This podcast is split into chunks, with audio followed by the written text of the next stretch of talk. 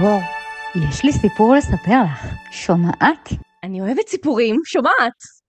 זהו סיפור על נסיך אירופי מסוכס, שפגש בשחקנית הוליוודית זוהרת, ואמר לה, בואי, חמודה שלי, אל מעבר לאוקיינוס, שם תהי המלכה, שם תזרחי, שם תעשי רפורמות, שם תהיי הכוכבת, שם יהיו לנו חיים נפלאים. והיא, סחופת אהבה, אומרת לו, בסדר, ועוברת אחריו אל מעבר לאוקיינוס, רק כדי לגלות שכל דבר ממה שהוא אמר לה, חרטא. ואז אין לה קריירה, אין לה חיים, העיתונות רודפת אותה, והיא בדיכאון ואומללה. ידעתי שאת לא יכולה בלי מייגן. היית רוצה. ערב טוב וברוכים הבאים וברוכות הבאות לעונה השנייה של ווינזור, שבה אנחנו מדברים על אנשים אחרים. היי ליאור שפירא. היי רונית בלאי ויינגרטן. הבה ניסע במכונת הזמן שלנו, הישר אל העשור המגניב ביותר במאה ה-20, ה-50's.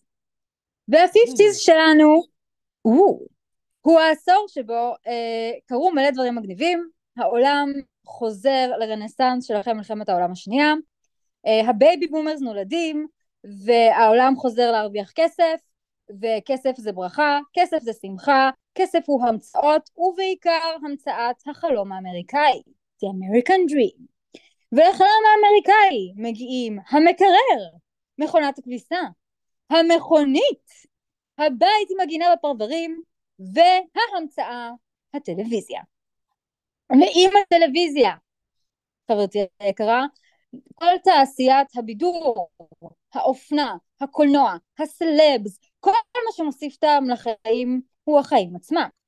התעשייה הנוספת שרוצים לדבר עליה היא תעשיית האופנה, החצאיות הנפוחות, הנשים החמודות, The Stepford Wives החמודות עם הסינר הקטן שמבשלות ביד אחת את העוף בתנור החדש וביד השנייה נעפפות לבעל, אז כל הדבר הזה, אה, הכל הכל הכל מאוד יפה וקסום וקולנועי, וזה העשור שבו מתנהל הפרק שלנו היום. הדבר הזה מש... מתחיל אמנם בארצות הברית, כי כל הדברים הטובים, וגם אלה שלא, מתחילים בארצות הברית, וזולג משם, איך לא, לאירופה. הסיפור שלנו מתרחש במונקו. מונקו היום נתפסת אצלנו כמקום שמלא בפאר ובהדר, מרוצים, משתאות וכסף.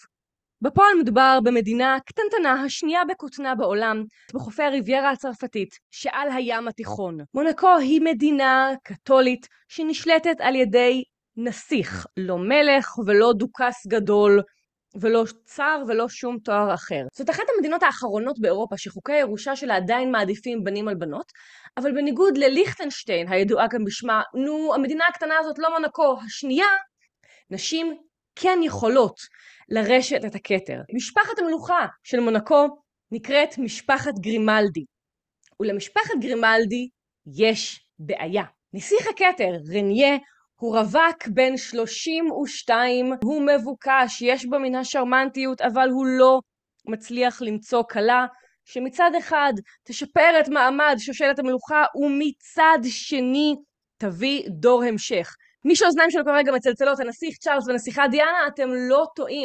אז רניה שלנו מחפש כלה, אה, ולתמונה נכנס גאון ישראל או גאון יוון, הידוע גם בשמו אריסטוטל אונסיס. ואריסטוטל שמסתובב במונקו, שכידוע היא מקום יפה, משמים ובעיקר מקלט מס, פוגש את רניה ואומר לו, חמודי, יש לי רעיון. אתה תחפש לך ראיה אמריקאית הוליוודית, והיא תבוא לפה, תעלה את מעמדך בעולם, כי תעשיית הסלבס, והיא תביא תיירות ותכניס לך עוד כסף, והיא תעזור לך במאבקיך מול צרפת, כי היא תלד לך יורש, ומעמדך ישתפר, והמדינה הקטנה שלך לא תיבלע על ידי הצרפתים. ובכן חשב לעצמו רניה, רעיון לא רע, ושם פעמיו לארצות הברית. אריסטוטל הציע לו לצאת עם לא פחות ממרלין מונרו. לא ברור מה קרה לרעיון הזה, הוא כנראה לא צלח, אבל תכף תיכנס למערכה שחקנית בלונדינית אחרת. גרייס פטרישה קלי באותו שלב היא השחקנית המוצלחת ביותר בארצות הברית. הנערה מפילדלפיה הפכה לשחקנית מאוד מאוד מאוד מוערכת, מוכשרת כמו שד, המוזה של אלפרד היצ'קוק וזוכת אוסקר. על פניו, וגם לא על פניו, אלא בכלל, מועמדת נפלאה לרניה שלנו. הבעיה של הגברת הזאת היא שכמה שהיא מוצלחת ברשימת המכולת שלה, הטעם שלה בגברים נעבך הוא להיט קטן מאוד. גרייס שלנו, מסיבות שלא ברור לנו למה, יצאה בעיקר עם גברים נשואים, וליבה נשבר פעם אחר פעם. באותו שלב היא יוצאת עם מעצב האופנה אולג קסיני, אה, שאגב עיצב שמאלות גם לג'קי קנדי, שאחר כך התחתנה עם אריסטוטל. סגור סוגריים. אה, והיא יוצאת עם אולג קסיני, והוא מציע לה נישואים, והם מאורסים. בשלב זה עדיין רניה שלנו מחפש כלה וגרייס שלנו מאורסת למישהו אחר, כיצד אם כן הם ייפגשו? בשנת 1955 מוזמנת גרייס, יקירת עולם הקולנוע, יקירת העולם בכלל, לפסטיבל הסרטים בכאן, שהוא כידוע הפסטיבל יוקרתי ביותר שנערך מרחק יריקה ממונקו. גרייס שלנו נוסעת מארצות הברית לצרפת, ושם מציעים לה לפגוש אה, ליום צילום את נסיכנו היקר, רניה. והנה המפגש שכתוב בכוכבים סוף סוף נדחה. ונדחה שוב, ונדחה שוב, ונדחה בשלישית, ורק אחרי מיליון דחיות סוף סוף יום הצילומים הזה התרחש. האם הייתה זו אהבה ממבט ראשון? איננו יודעים, אבל גרייס סיפרה שהתרשמה ממנו והוקסמה ממנו מיד, והוא, אנחנו לא יודעים מה הוא הרגיש, אבל הלך לרעיון, והתחיל ביניהם רומן. היא חזרה לארצות הברית, הוא כתב לה מכתבים במשך שנה, והיה חברה לעץ במשך עשרה חודשים, ואז אה, בזמן השנה הזאת היא נפרדה מאולג המסכן, ורניה ממשיך לחזר אחריה, ממשיך חזור וחזר, ובשלב מסוים, אה, בעידודם של ההורים קלי, רניה שלנו מגיע לארצות הברית עם טבעת. אממה, כמנהג נסיכים, אני לא יודעת למה הם עושים את זה, הוא קנה לה טבעת בצבעי הדגל המונגסקי, הוא קנה לה טבעת באדום ולבן, כוונה באבני רובי ויהלומים, טבעת של קרטיה, והוא מציע לה נישואים, והיא כמובן מסכימה, ואז היא מראה, הם הולכים יחד ומראים את הטבעת שלה לכל החברים ההוליוודים, ואויה! מתברר שזה לא בסטנדרט ההוליוודי הדבר הזה. זה בושות. זה פדיחה, הוא קנה לה טבעת פדיחה, ולכן, כדי לפצות על הפדיחה, הוא הלך שוב וקנה לה יהלום ענק. וככה לגרייס היו שתי טבעות אירוסין, והיא ענדה את שתיהן. בקיצור, בשמחה וששון, האירוסים יוצאים לדרך. העניין בינתיים הוא שגרייס כבולה בחוזה דרקוני למדי עם אולפני MGM. MGM הייתה חברה ענקית להפקת סרטי קולנוע. תחשבו אמזון אבל רק הפריים, תחשבו נטפליקס. היא חתומה לעיתים שכולנו מכירים ועוברים את מבחן הזמן כמו הקוסם מארץ עוץ ורוקי. החברה ידעה להיות המורדות, שזה מאוד הגיוני לחברה שבשנה הבאה, 2024, חוגגת 100 עגול. היום היא כבר לא חברה עצמאית. אחרי שעברה כמה ידיים ב-40 השנים האחרונות, היום הבעלים שלה היא חברה קטנה משפחתית בשם אמזון, לא יודעת אם שמעתם, והסרטים שלה זמינים כרגע באמזון פריים. מה עושה חברת הפקות ענקית שהולכת לאבד אבזה שמטילה ביצי זהב לטובת המתחרים, וכשאני אומרת מתחרים הכוונה היא חיי מלוכה שלא יניבו ל-NGM שקל. נכון מאוד, היא ממסחרת את כל האופרציה. החתונה שלהם שודרה והופקה על ידי MGM. השילוב האולטימטיבי בין מלוכה להוליווד באופן שגורם ליקירת הפודקאסט מייגן מרקל לפעור עיניים בקצת קנאה. כל דבר שיש לדבר עליו בחתונה זו השמלה שלבשה הכלה. אז חוץ מהשמלה, שני דברים נוספים שקרו במה... במהלך תקופת האירוסים הם א', ההורים קלי נדרשו לשלם שני מיליון דולר כנדוניה לנסיך רניה, מאוד מעניין, כאילו, מדוע הם נדרשו לשלם כדי שהוא יקבל כלה מאוד מעניין. Uh, והדבר השני הוא שגרייס נדרשה לעבור uh, בדיקות כדי להוכיח את יכולת ההולדה שלה בעצם, כי כל המטרה היא שרניה יקבל יורש. חזרה לשמלה. אה, את השמלה עיצבה הלן רוז, והסיבה שהייתה מהצוות של MGM, והסיבה שהשמלה הפכה איקונית היא בעצם כפולה. הראשונה, כמו שאת אומרת, היא ש-MGM פשוט פמפמו את הדבר הזה, חזר ופמפם, חזר ופמפם, אה, ואם את נערה נוכל להתרשם שעומדת להתחתן בשנים הקרובות, זאת אכן תהיה השמלה שלך. לא הייתה שום ברכה, לא, לא הייתה שום פונקציה, היה ברור שזאת תהיה השמלה. אבל השמלה הזו הייתה הופכת לאיקונית גם אם הייתה מכוערת. זאת אומרת, זה העניין של השיווק. למזלה של כל ההקלות מאז 1956, כולל אחת, קייט מידלטון, זו הייתה שמלה מושלמת. הלן רוז, שהייתה מעצבת בעצם קולנוע ולא מעצבת uh, שמלות קלה, הלכה לארכיונים שלה של שמלות קלה שהיא עיצבה לסרטים, uh, ולקחה uh, חצאית מסרט שהיא עיצבה ב-1952, ואת הרעיון של התחרה משמלה שהיא עיצבה לסרט ב-1950, עשתה הוקוס פוקוס, באמת, לא פחות מהוקוס פוקוס, ויצרה את היצירה היפהפייה הזו שכללה שמלת מכוך שמעליה חלק עליון מתחרה ומתחתיה עשרות, כן כן, עשרות חצאיות קרינולינה ותחתיות כדי לייצר את הנפח של החצאית וזה בעצם החלק האיקוני.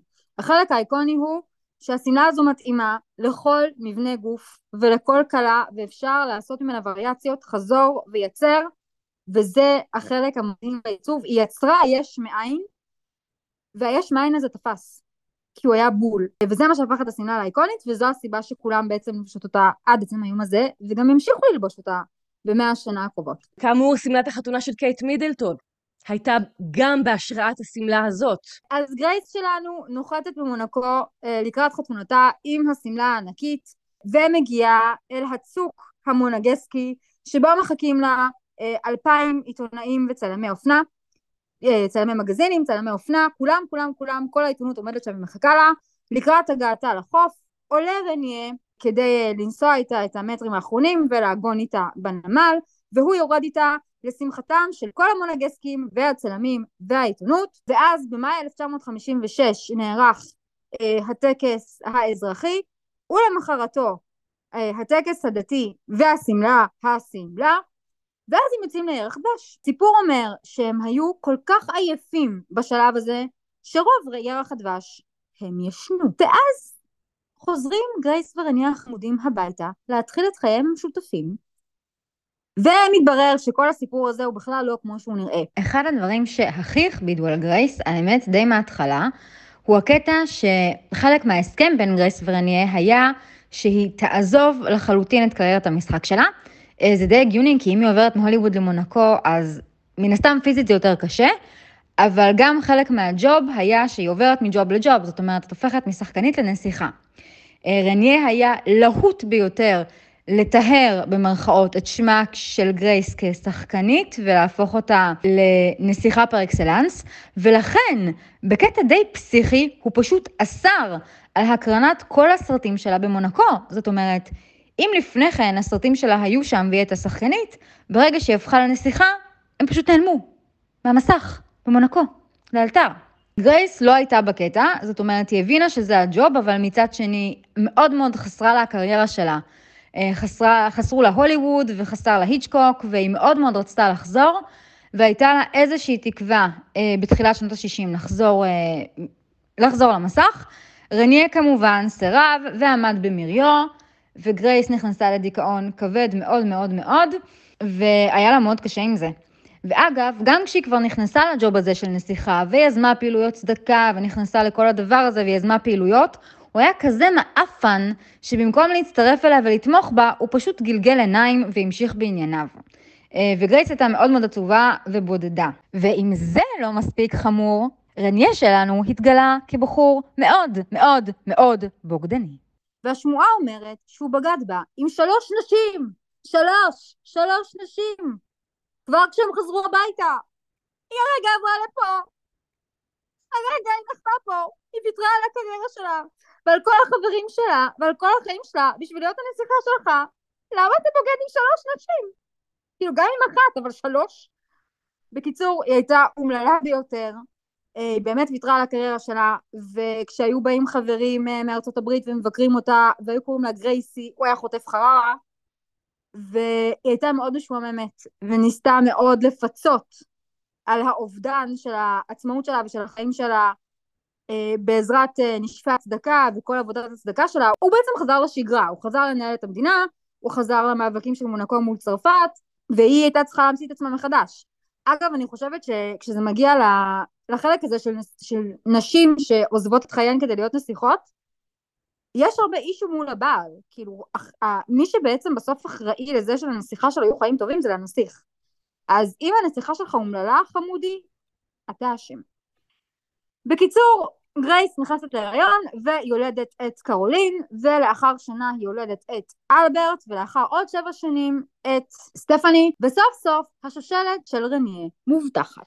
גרייס עשתה חיל אה, בתפקידה כנסיכה. קודם כל, כל פעילויות הצדקה שלה היו יפהפיות ונמשכות עד היום, כמו נשף הצלב האדום השנתי, ובאמת היא זכתה להרבה הערכה על פועלה בתחום הצדקה. וחוץ מזה, התיירים הגיעו, מחירי הקרקעות עלו, תשומת הלב למונקו כמדינה לגיטימית עלתה, זאת אומרת, היא, הצליחה במו ידיה להפוך את מונקו למקום מעניין, למקום uh, שקורות בו אינטריגות, למקום של סלבס וכוכבי קולנוע, כי כולם הגיעו לבקר אותה. אממה, שעם כל האנשים שהגיעו לבקר אותה, הגיעו גם הגרסאות המוקדמות של פפרצי. Uh, וזו תשומת לב שהיא ממש ממש לא הייתה בקטע שלה, והיא וילדיה, היה להם מאוד מאוד קשה אה, עם העובדה שהם באמת מצולמים. עוד פעם, זה גרסאות מוקדמות, זה לא פרינסס דיאנה, אבל אה, כן היו שם גרסאות מוקדמות, והם נרדפו פלוס מינוס נכון לתקופה, והיה להם מאוד מאוד קשה עם תשומת הלב הלא רצויה של הפפרצי. אפרופו הנסיכה דיאנה, כשהנסיכה פוגשת את גרייס, היא אומרת שהיא נראית עצובה. היא אכן הייתה עצובה, והיא זרקה את עצמה לתוך העבודה, והיא, הייתה, והיא סיפרה שהייתה מסתובבת בארצות הברית, היא הייתה נוסעת לבקר את, ה, את ההורים שלה ואת המשפחה שלה, והיא באמת הייתה משתפת אותם באומללותה במונקו, וגם לה, בסופו של דבר, היו רומנים, אז היו רומנים לא, והיו רומנים לה. אה, ואחר כך הילדים בגרו, וגם להם היו רומנים, תכף נגיע גם לילדים. אה, וב-1982, במהלך נסיעה עם אה, סטפני, הבת הצעירה, במורדות הערים ליד מונקו, גרייס שלנו חוטפת שבץ, עושה תאונת דרכים ומתה. אל תעשו גוגל גרייס קלי בארון המתים שלה, כי לא תוכלו לישון בלילה הרבה ימים, אני רק מציינת. יש תיעוד לדבר הזה? יש תיעוד לדבר הזה כי זה היה ארון פתוח ופשוט אל תעשו את זה לעצמכם. גרייס נהרגה בגיל 52 אחרי כמעט 30 שנה בתור נסיכת מונקו. רניה עזב את העולם ב-2005, לא מזמן, והשאיר את הכתר לבן שלו, אלברט. מונקו כאמור היא נסיכות שבה לבנים יש עדיפות על האחיות שלהם בירושה. ולכן, עם לכתו של הנסיך, רניה, מי שעלה לשלטון הוא אלברט, הילד האמצעי. גם לאלברט mm. הייתה בעיה. גם אלברט היה רווק. רק שרניה היה נסיך בלי יורש בן 32. אלבר לעומת זאת נסיך בלי יורש בן 47. מה, מה קרה אז? איך הם פתרו את זה עכשיו? ובכן, שימו לב לדמיון. אה, אלברט שלנו היה, כמו הרבה נסיכים אירופאים, וומנייזר, והיו לו חברות רבות. חברות רבות מאוד מאוד. בשנת 2000, כשאבא רניה עוד חי, הבן שלו, אלברט, פגש את השחיינית שרלין וויטסטוק. שרלין היא שחיינית אולימפית, היא ייצגה את דרום אפריקה, מולדתה, באולימפיאדה. אלברט עצמו התחרה באולימפיאדת החורף בתחום המזחלות, כך שגם הוא חובב ספורט. ובכלל אולימפיאדה היא מקום לא רע לפגוש בו את הבשרת שלך, וגם על זה יהיה פרק. אלברט ושרלין מתחילים במערכת יחסים אה, חסויה, כמו כל הנסיכים והחברות שלהם בדרך כלל בהתחלה זה חסוי. כמה זה היה חסוי? רק בשנת 2006, כשאלברט שלנו כבר נסיך מולך, פורסמה התמונה הראשונה שלהם, גם היא באירוע ספורט. אה, הם המשיכו והמשיכו לצאת, והיה נראה שהכל אה, זוהר ומקסים, ובשנת 2010 אלברט שלף יהלום. הוא למד מאבא, והפעם זה לא היה משהו קטן מצ'וקמק ומונגסקי, זה היה יהלום גדול. החתונה נקבעה ליולי 2011, לא הרבה זמן אחרי חתונה מלכותית אחרת של וויליאם וקייט באפריל, אה, אליה הם הגיעו יחד, וגם פה האירוסים תפסו קצב, והחלות החתונה תפסו קצב, ובשלב הזה כל מונקו התרגשה מהחתונה הצפויה של יורש העצר בן ה-53 עם השחיינית היפהפייה והמוכשרת בת ה-33, והפוריה כי הוא צריך יורש. ואז all hell break loose כי שבועיים, כן כן, שבועיים לפני החתונה התברר שאלבר הוומנייזר שלנו הוא אב לילד בלתי חוקי. שרלין שלנו קיבלה את זה כצפוי ממש ממש גרוע והיא רצתה לבטל את החתונה, לקחת את עצמה ולחזור לדרום אפריקה, מה שכל כלה נורמלית הייתה עושה בסיטואציה הזו. רק שהיא לא כלה נורמלית, והיא אמורה להתחתן עם אלבר ולהביא לו יורשים, וזה ממש, ממש לא בתוכנית שהיא תברח, אז הוא רץ אחריה לשדה התעופה והחרים לה את הפספורט, ולא הייתה לה ברירה. בתמונות שלה מהחתונה היא נראית בוכייה ברמות ועצובה ברמות, ומאוד מאוד קשה להאשים אותה, כי היא לא הייתה אמורה להיות שם. זאת אומרת, אף אחת לא הייתה רוצה להיות שם במקומה, וזה אחת החתונות לדעתי הכי מצערות, היא פשוט נראית כל כך עצובה, אה, וכל כך אה, כלואה וכל כך מבואסת מזה שהיא תקועה איתו, אה, זה באמת היה אחד המצערים. לאלבר יש שלושה ילדים, שניים שהוכרו, ג'זמין ואלכסנדר, ועוד אחד שכנראה מתנהל עדיין משפט על אבהותו. אז יש לו שני ילדים מחוץ לנישואים שהם לא חוקיים, כלומר הוא אבא שלהם, הם מוכרים על פי חוק, הוא משלם להם מזונות, הוא מכיר בהם, אבל הם לא חלק מהמשפחה כחלק מהיורשים. בשנת 2014 שרלין סוף סוף מילאה את חובתה המלכותית וילדה תאומים, גבריאלה וז'אק. אך ז'אק הוא היורש לכתר וגבריאלה רק שנייה. ואם חשבתם שהסיפור הזה הוא מתסכל ופלופ ובזה נגמרו תלאותיהם של בני משפחת גרימלדי, נכונה לכם טעות.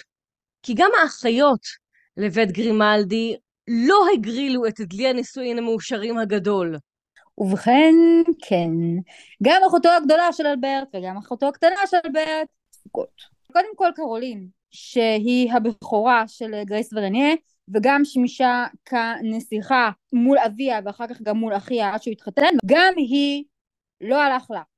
אה, קודם כל היא טענה פעם בריאיון שהילדים לבית משפחת גרימלדי בכלל לא גדלו עם ההורים שלהם, הם גדלו עם יותר נניז מאשר הורים אף על פי שגרייס ורניה ניסו להציג את התמונה המשפחתית המושלמת, כי זה החלום האמריקאי בכל זאת, וגם היא מצאה את עצמה מתחתנת עם מישהו בשם פיליפ ז'ינו, שההורים שלה ממש ממש ממש לא הסכימו שהיא תתחתן איתו כי הוא לא היה בעל מעמד והוא לא היה חשוב ולא היה בו שום דבר מעניין ואכן בני הזוג היקרים התגרשו תוך שנתיים. הנישואים הבאים של קרולין היו לסטפנו קסירגי שייט איטלקי שממנו נולדו לה שלושה ילדים אנדריאה, שרלוט ופיירה אך אויה סטפנו נהרג בתאונת שייט בגיל 30 וקרולין נשארה אלמנה. בעלה הבא הוא ארנסט אוגוסט נסיך הנובר. וארנסט אוגוסט נסיך הנובר לא התחיל כבעלה של קרולין אלא כבעלה של החברה הכי טובה שלה. אז כן כן קרולין שלנו בגדה בחברה שלה עם הבעל כן, כן, כן, כן, כן. מהחתונה הקסומה הזו של אה, קרולין ואיך אה, קוראים לו ארנסט אוגוסט מהנובר, נולדה הנסיכה אלכסנדרה, שהיא אחת מהיורשים גם לכתר מונוגסקי וגם לכתר ההנוברי, וגם הנישואים האלה, כמה לא צפוי, קרמה איזה ביץ', עלו על סרטון. אז ארנסט אוגוסט וקרולין נפרדו, ומאז הם חיים בנפרד. ומה עם סטפני? הבת שנסעה עם אימא גרייס כשאימא גרייס קיבלה שבץ. סטפני לצערנו לא התאוששה מהתאונה אף פעם, וזה השפיע מאוד מאוד על חיי האהבה שלה. האישה היא מופת, מופת, ל, ל, היא פשוט הזיה, אני לא יודעת אפילו איפה להתחיל. Uh, קודם כל היא הייתה זמרת פופ, כמובן uh, בצעדה של אימא, היא הייתה זמרת פופ ודווקא הלך לה טוב uh, בשנות ה-80 וה-90 והייתה לה קריירה מאוד מאוד יפה ב-1992 היא החליטה שהיא אה, מתחילה בקשר עם שומר הראש שלה, אלמוני בשם דניאל דופרה. ומדניאל דופרה נולדו לה שני ילדים, והם התחתנו ב-1995. אממה, אחרי שנה הוא בגד בה, והם התפרדו. אחר כך היא יצאה שוב עם ראש האבטחה שלה, אדון גוטליב, גם הוא לא אדם מעניין, וממנו נולדה לבת, קמיל.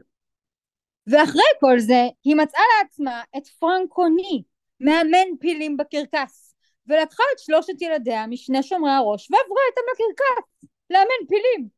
כמו שכולנו עושים, כי כולנו ילדים של גרייס. בקיצור, זה הסיפור אה, על שלושת ילדיהם של גרייס ודניה, שאני חושדת שמוטלת עליהם קללה.